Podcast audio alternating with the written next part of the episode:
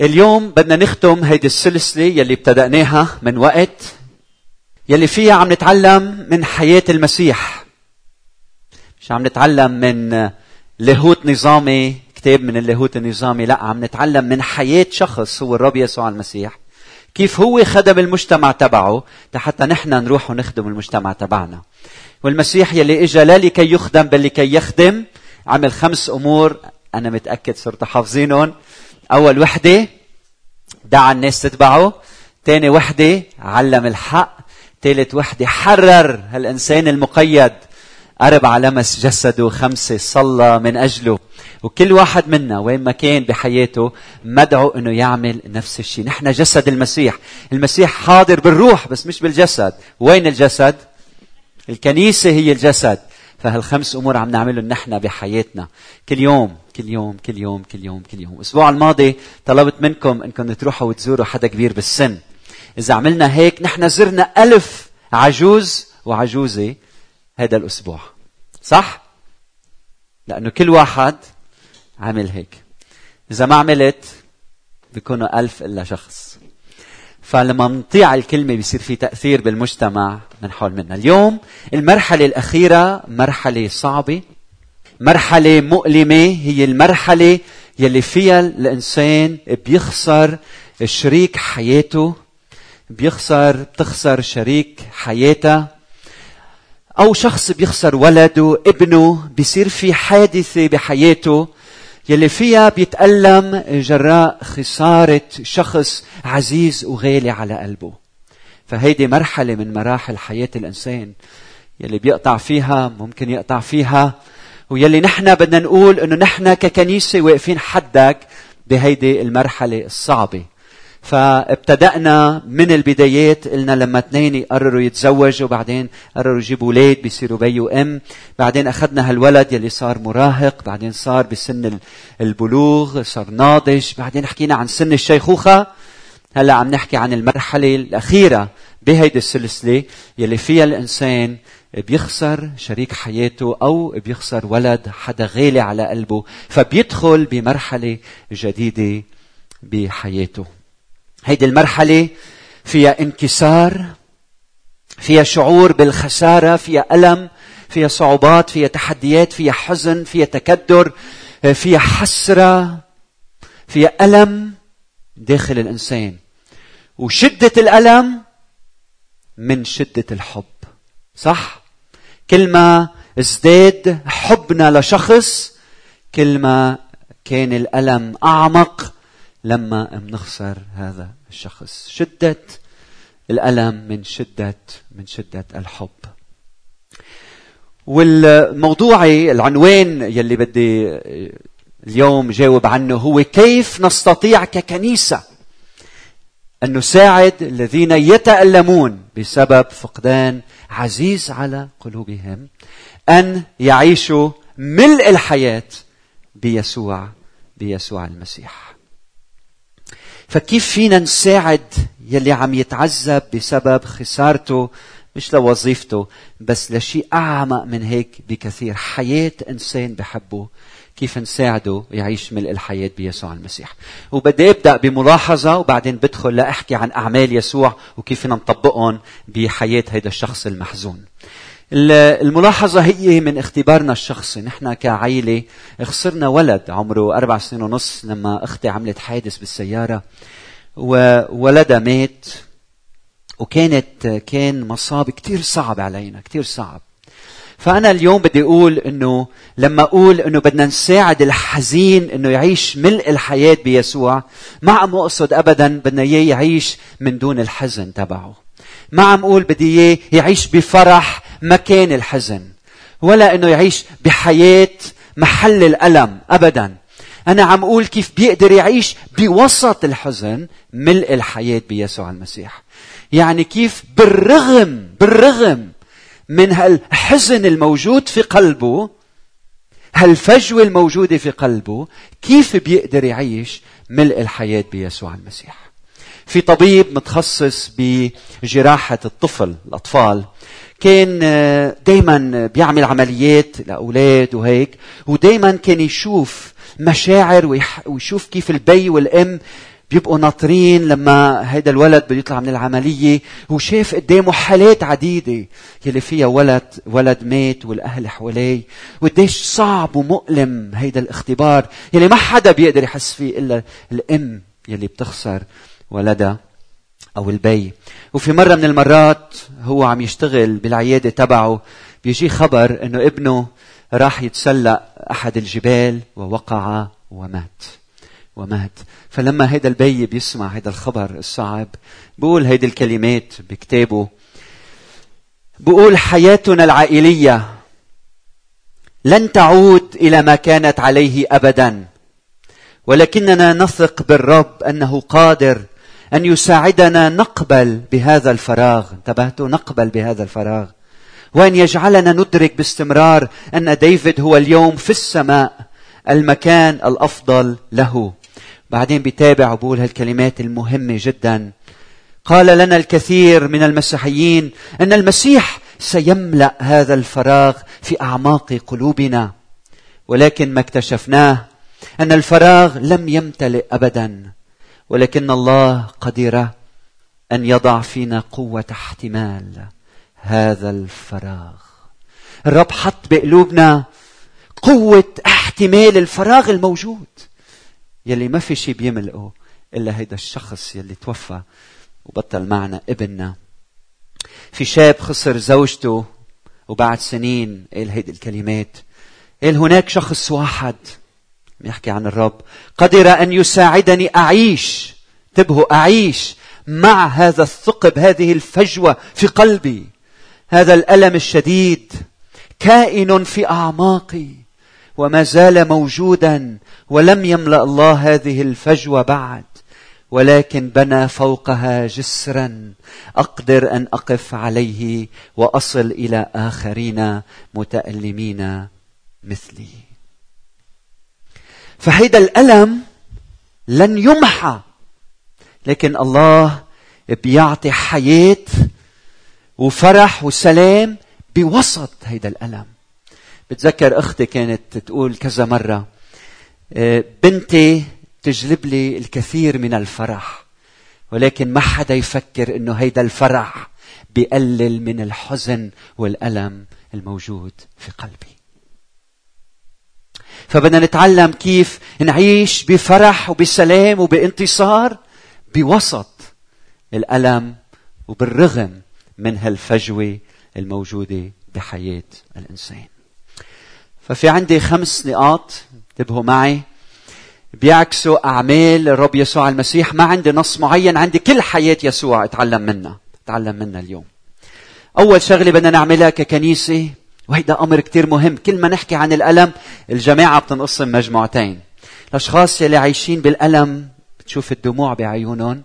الشباب يلي بعد يمكن ما اختبروا الالام بيصيروا يقولوا إمتى بدنا نخلص. كلنا بيجي وقت وبنختبر الألم. فأرجو أن ننتبه.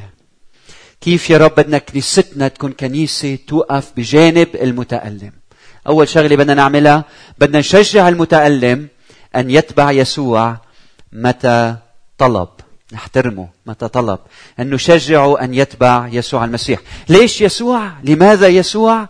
لأنه ما حدا مثل يسوع لأنه ما حدا بيقدر يعزي مثل يسوع.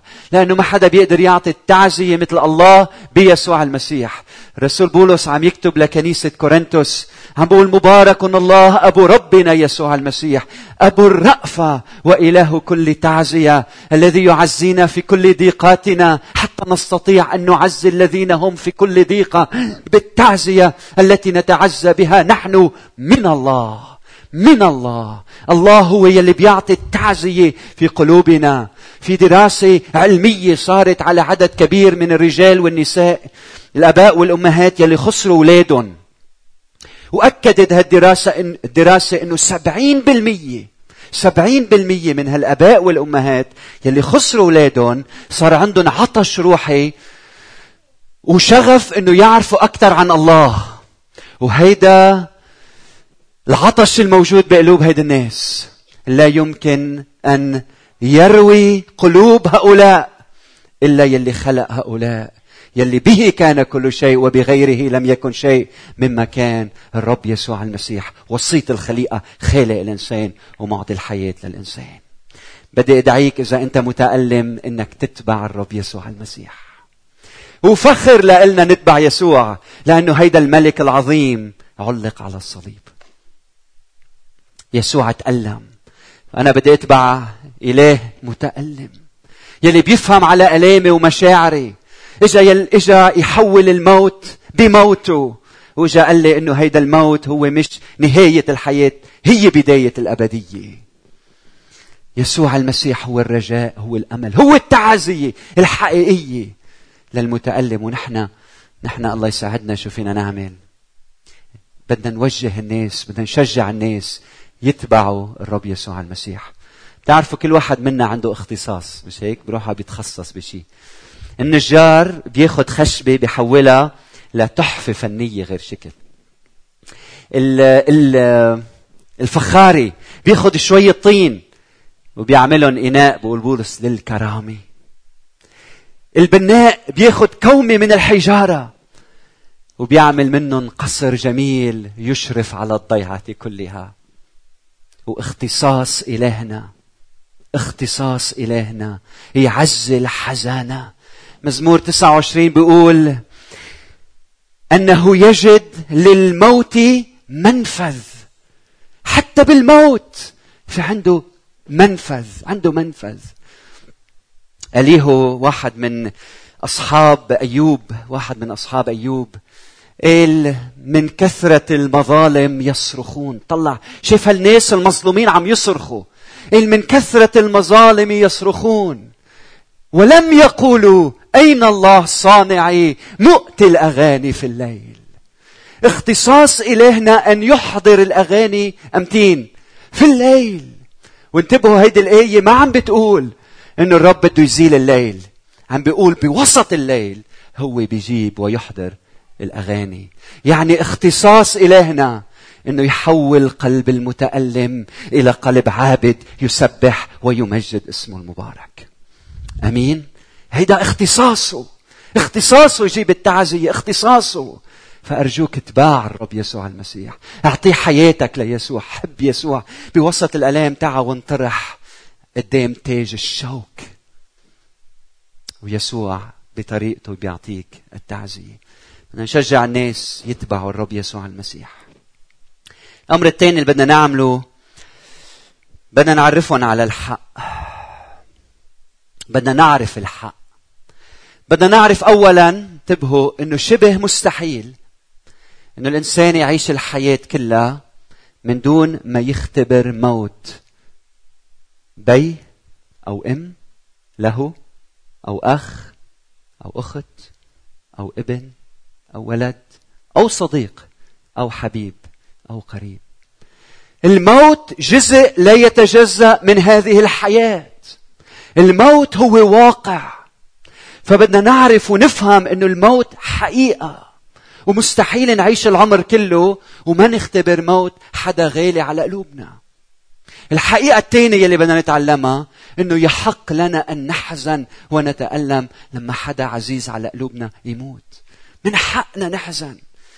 امبارح بالخدمة العراقية إجت امرأة لعندي عم تبكي مش قادرة تمشي. قالت لي لما ماتت بنتي بعمر ال 17 سنة ما خلوني أبكي عليها. كانت بالجامعة وقعت راحوا ماتت يجوا يقولوا لها ما عندك عندك غيرها ما خلوها تبكي على بنتها حقيقة من حقنا نبكي على شخص بنحبه من حقنا. حقنا نتألم من حقنا نحزن من حقنا. في تعابير خطيرة ممنوع نقولها ممنوع نقولها. لشخص خسر عزيز على قلبه. ممنوع تقول له ما بقى تبكي ما نفسها بالسماء ما بقى تقول ممنوع تقولها. هي ما عم تبكي لأنه نفسها مش بالسماء هي عم تبكي اشتياقا وحبا. صح؟ ما بقى تقول بحياتك؟ بكرة الله بيعوض عليك. مثل سكين بتحطه بقلب بي أو أم أو خيل لما بتقول ما بكرة الله بيعوض عليك. ما بحياتك تقول مثل ما مثل ما راح بيجي غيره. كل هالكلام المؤلم يلي بيزيد على الألم ألم. فإذا بدك تعزي شخص فما تقول له هذه التعابير إذا بتعرف امرأة خسرت ولدها وبدك تعزيها ابعت لها أم خسرت ولدها تتعزيها وشو بدك تقول لها وشو بدك تعلمها؟ ما تقول لها شيء لأنه هي بتعرف شو بدها تحكي. إياك تعلم هالامرأة شو بدها تقول لها هالامرأة. بيكفي لما دمعت هيدي الامرأة تتحد بدمعة هذه الامرأة تلك الامرأة. بيكفي لما رواية ألم هيدي الامرأة. تتعرف على رواية ألم هيديك الامرأة حتى يصير في تعزية حقيقية بحياة الناس. وإذا أنت صحتك منيحة ومنك متألم ورايح بدك تعزي حدا رح أقول لك شو تعمل. صمتك أهم من صوتك. أهم دواء ممكن تعطيه لصديق لإلك هو صمتك وليس صوتك. عندي شاب صديق لإلي. كله حياته حركة. وين ما يقعد على طول بيحكي على طول عم يحكي على طول عم يحكي. بالسياسة بيحكي بالاقتصاد بيحكي. زلمة بحب يحكي كل الوقت وعلى طول عنده شيء يقوله وبيقوله بكل حماسة هذا الشخص لما خسرنا هذا الشاب كريستوفر آه، شفته اجى لعنا. عدد كبير من المرات. زلمة كتير مشغول وعنده مركز وعلى طول بيحكي.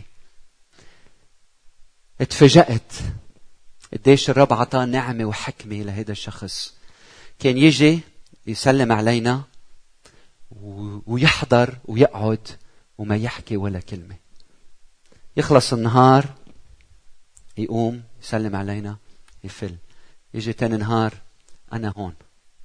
أنا هون. أنا موجود. أنا حدكم من دون ما يحكي ولا كلمة. أعظم تعزية. إنك تعرف إنه هيدا الصديق موجود حاضر حاضر. سي اس لويس مثل ما بتعرفوا فيلسوف مسيحي كبير.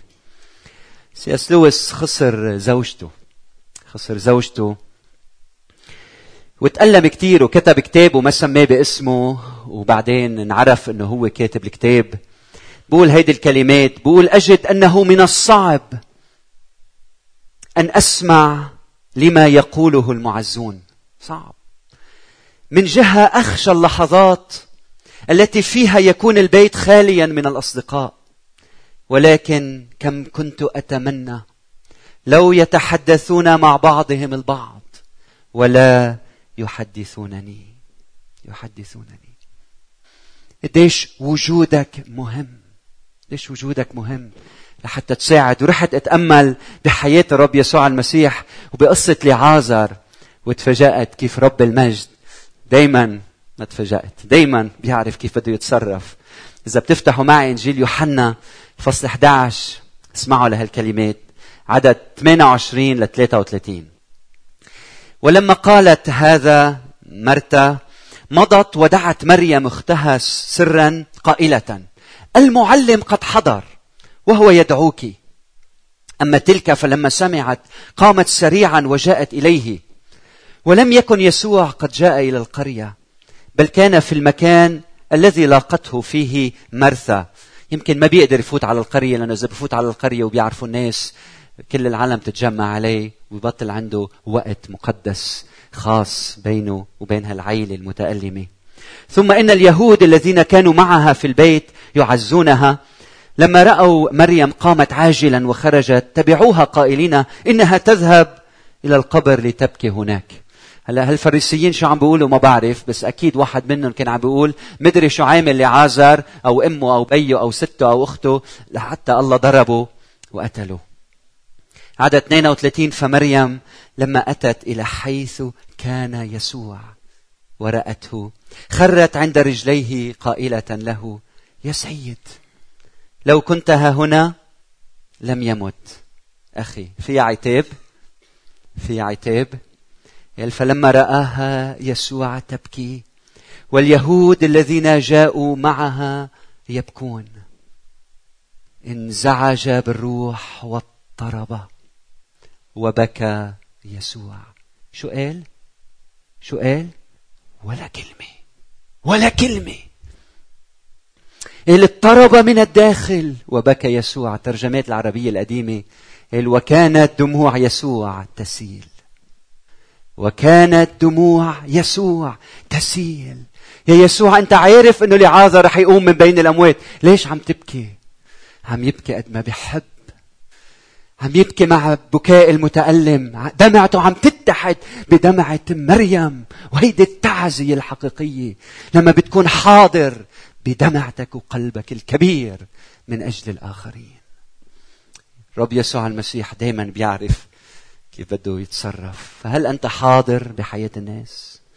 الناس ما بدها عظات لما تكون عم تتألم. الناس ما بدها توبيخ. الناس ما بدها وعود واهية. الناس قرفت من الكلام يلي ما بيبلسم الجراح. الناس بدها تكون حاضر. حاضر. حاضر. أنا موجود. بصمتك وليس بصوتك. الأمر الثالث يلي يجب أن نقوم به أن نساعد الحزين أن يتحرر انتبهوا من مشاعر مرضية. فمش عم أقول بدنا إياه يتحرر من الحزن لا عم أقول بدنا إياه يتحرر من مشاعر مرضية مشاعر مرضية. إذا بي بيخسر ابنه أو أم بتخسر بنتها بيصير عنده شعور بوجع الضمير بالألم. بصير يشعر إنه يمكن أنا السبب لحتى مات ولدي. أنا السبب لحتى مرض ولدي. صليت مع أخت بهاليومين وعم تبكي وعم بتقول أنا السبب إنه طفلي طفل هالطفلة ولدت مريضة. أنا السبب. أنا السبب بسبب شيء. أنا السبب. أيام الشخص يلي خسر ولده بيصير عنده ألم بالضمير شديد جدا. إنه بس لو أنا عملت هيك لو أنا رحت جبته بس لو حطيت له الكار سيت لو عملت هالشغلة لو تصرفت بهالطريقة ولدي ما كان مات. أيام الخي لما بيخسر خيه أولاد عم بيصير عندهم شعور بالخوف من الموت إنه هلأ يمكن يجي دوري.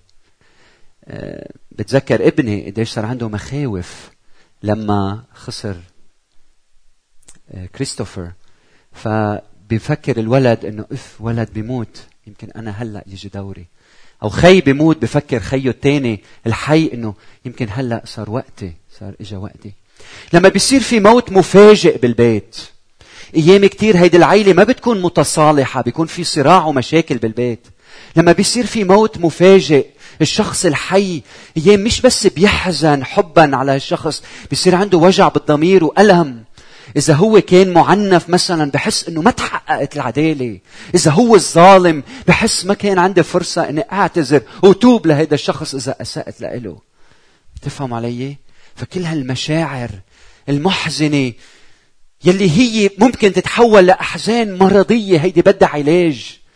ودور الكنيسة إنه توقف حد هالأشخاص وتعالجهم ليقدروا يرجعوا يعيشوا الحياة وملئة بالرغم من الحزن والألم يلي عم يشعروا فيه هالألم المقدس يلي عم يشعروا فيه. كيف نحن بدنا نساعد ككنيسة هود الأشخاص؟ أول شيء ككنيسة بدنا نعلم إنه دايما لازم يكون عندنا علاقات مقدسة. حدا منا بيضمن حياته لحظة واحدة؟ حدا منا بيضمن حياة الآخر؟ لحظة واحدة. مش كل شيء بإيده هو. مش كل ما نكبر بالعمر بنكتشف إنه نحن ما بنقدر نسيطر على شيء بالحياة. مش مزبوط؟ مش كل ما نكبر بنتأكد إنه أنت كإنسان ما فيك تسيطر على شيء فخلينا نبني نأسس بيوت مقدسة. خلينا نتعلم بين الزوج والزوجة الزوج والزوجة مع الأولاد كيف يكون في محبة غفران طلب للغفران تواصل فعال لا تغرب الشمس على غيظكم وتكون هالعلاقات مقدسة وصادقة وصريحة وفي مصارحة دايما باستمرار. حتى الإنسان, الإنسان ما يندم في فيما بعد. بدي شجعك لما تظهر اليوم من هذا المكان روح تصالح مع كل أفراد بيتك. روح تصالح مع الجميع. كن بمصالحة. بدنا نعلم شعبنا أنه الموت واقع. ما بنخاف منه بس واقع. وبدنا نعيش حياتنا بتصالح بمصالحة حقيقية بيننا وبين الله وبيننا ومع الآخرين. الأمر الثاني اللي بدنا نعمله ككنيسة بدنا نشجعكم تكونوا جزء من مجموعة رفاق الحياة. لأنه مش بس ككنيسة بدنا نتعلم هالأمور بدك تكون جزء من مجموعة بيحبوك بيهتموا فيك لحتى إذا بيصير في حادثة ببيتك بحياتك مع جارك مع أصدقائك وإن شاء الله ما حدا يصير له شيء إذا بيصير شيء رفاق حياتك بيكونوا حدك بيساعدوك تتحرر من مخاوفك من مشاعر غير مقدسة مشاعر غير مقدسة ويعلموك ويساعدوك ويشجعوك كيف تبكي وتتألم. ألم مقدس لأنه إلك حق تتألم وتتوجع ما تكون لوحدك خي أختي. هل أنت جزء من مجموعة رفاق الحياة؟ أرجوك ما تكون بس سامع. هل عندك مجموعة من الأصدقاء يلي أنت عم بتشارك حياتك معهم؟ مقربين لإلك يوقفوا حدك ويدعموك. الأمر الثالث يلي كتير بهمنا هو إنه بكنيستنا في متخصصين في رعاة في خدام بيساعدونا. ما تكون لوحدك. ما بدنا إياك تتألم لوحدك. ما بدنا إياك تتألم لوحدك. في عنا ناس متخصصين يوقفوا حدنا ويساعدونا. خدام رعاة مرشدين. بتذكر لما كنت واقف بهالمحل إجت لعندي صبية يمكن بالعشرينات عمرها. قالت لي أنا مضايقة أنا تعبانة. قلت لها شو شو بكي؟ شو حاجتك؟ شو حاجتك؟ قالت لي أنا بيي مات زعلان مني. لما مات بيي أنا ما كنت أحكي معه ومات فجأة. وأنا شاعره شاعرة إنه ما رح أتزوج ما رح أعيش سعيدة ما رح أجيب أولاد إذا إجاني أولاد رح يموتوا رح يصير لهم شيء لأنه أنا خطيتي مربوطة. مش قادرة أتحرر. مات بيي ما فيني أعتذر منه. بيي راح. مش قادره أعمل شيء. شاعره بألم بوجع ضمير بحزن. وما كان عندي إلا إني خبرها عن بين السماوي يلي بيغفر يلي بيجدد وجه الأرض يلي بيفتح صفحة جديدة يلي بيوصل للأموات والأحياء يلي بيعز القلوب يلي بيحيي الموتى يلي بيعمل المعجزات. قلت لها يسوع قادر يغفر لك خطيتك وبيك السماوي بيقول لك أنا بدي تعيشي بسلام تعيشي بسلام. قديش مهم نسمع للأشخاص حوالينا. مرة الست طلبت تحكي معي شفتها شي ساعة ونص خبرتني عن حياتها ومشاكلها وهمومها وتحدياتها وما وبلا تفاصيل لكن حياة مؤلمة. كل الوقت عم تبكي بدموع. وأنا عم هز براسي وعم اسمع وعم هز براسي. ما كان عندي كلمة أولى ما قلت ولا كلمة. خلص اللقاء راحت على بيتها بعد أسبوع بشوفها بالكنيسة. تجي لعندي بتقول لي أسيس بدي لك شيء أنا شعرت إني صرت إنسان مختلف من بعد هاللقاء. من بعد ما قعدت معك شكرا لأنك ساعدتني كثير أني أتحرر من أمور عديدة بحياتي. طلعت أنا هيك. أنا؟ ما ما حكيت ولا كلمة. ما كنتش أعرف شو بدي أقول لك. ما, ما في كلام بتمي. الرب ما قال لي شيء ما حكيت ولا كلمة ما عرفت أقول شيء حسيت حالي فاشل ما عملت شيء كان بيكفي لهيدي الامرأة. إنه تلاقي أذن قلب كبير مستعد أن يسمع لها. أنت هو الشخص. أنت هي الشخص. الشخص اللي بده يروح إلى العالم ويكون هالأذن اللي بتسمع أنين الناس. ترى ما في القلوب وتعزي بحضورك بحياة الناس. نشكر رب من أجل المتخصصين بكنيستنا اللي عنده حاجة يخبرنا. نحن حدكم حتى مع بعض نتساعد ونحمل هالحمل. الأمر الرابع يلي بدنا نعمله بدنا نهتم بأجساد المتألمين. فقدان الحبيب بضر بالجسد في دراسات علمية صادقة تؤكد أنه أول ست أشهر من فقدان شخص عزيز على قلوبنا بيأثر بشكل مباشر على أجسادنا. الحزن العميق بيأثر على الجسد. بتضعف مناعة الجسم. ببطل الإنسان قادر إنه يواجه ويحارب الفيروسات يلي بتدخل على جسمه. منشوف إنه في أشخاص بيصير عندهم ألم بالرأس. بيصير عندهم وجع بالجسد. بيصير عندهم مشاكل بالقلب ضغط بالدم. بيصير عندهم مشاكل بالأكل وبيصير عندهم عسر هضم. وبطل عندهم قابلية للأكل بيخسروا وزن بيشعروا إنه هن مقعدين جسديا. لما هن بالواقع هن مقعدين عاطفيا وهيدا الشيء بيسبب على أجسادهم بيأثر على أجسادهم. فدورنا نحن دورك أنت يا رفيق الدرب إنك توقف حد هيدا الشخص وترفع جسده وتساعده. أنت دورك إنك تقول له تعال نطلع نمشي شوي وناخذ هوا. أنا بدي أسمعك تعال نتمشى شوي. انت دورك تعمل له الأكل الصحي وتساعده وتوقف حده. انت دورك تاخذ له موعد من الحكيم وتقول له أنا بدي أروح أنا وياك لعند الطبيب لحتى يهتم بجسدك. يهتم بجسده لأنه هو مش قادر لأنه هو مقعد هو متألم. هيدا دورك كزوج أو زوجة هيدا دورك كصديق كرفيق كأخ ك آه، زوج وزوجة إذا خسروا ولدهم. هيدا هيدا دور كل شخص قريب من الآخر أنه يهتم أيضا بجسده. الأمر الخامس والأخير بدنا نذكرهم في صلواتنا في صلواتنا. اختباري الشخصي لما صارت عنا هيدي الحادثة واللي كان معنا ومرافقنا وقديش بنشكر رب على كل رفيق وقف حدنا بهالمرحلة الصعبة. في شخص بيقول لي من بعد شهرين ثلاثة بيقول لي كيف قدرتوا تتحملوا هالمصاب هالمصيبة بحياتكم. كيف قدرتوا تتحملوها؟ لما شافونا بال بالكنيسة وقت الدفن ولد ميت بي وام على سرير الصليب الأحمر اثنيناتهم بجو صعب مؤلم. بي وام عم يدفنوا ولدهم. قديش كان صعب. فسألونا كيف كيف قدرتوا تتحملوا هالشيء هيدا؟ جوابنا كان الاختبار اللي اختبرناه. جوابنا إنه نحن كنا حاسين إنه في إيد حملتنا وفي سحابة مظللتنا. سحابة إلهية سحابة منا صنع البشر. شعور دخلنا بشيء ما بنعرف شو هو. يلي حافظ علينا حافظ على إيماننا. وتذكرت إنه نحن لما عرفنا لما صارت الحادثه وخبرنا الكنيسة والكنيسة عرفت أكثر من خمسين شخص كانوا موجودين بالمستشفى متحدين بالصلاة من أجلنا. كان في مجموعات عم بتصلي لنا وأفراد عم بيصلوا من أجلنا. الصلاة قديش مهمة للمحزون المتألم. قديش مهمة نرفع بعضنا البعض بالصلاة. بدنا نصلي لهالأشخاص.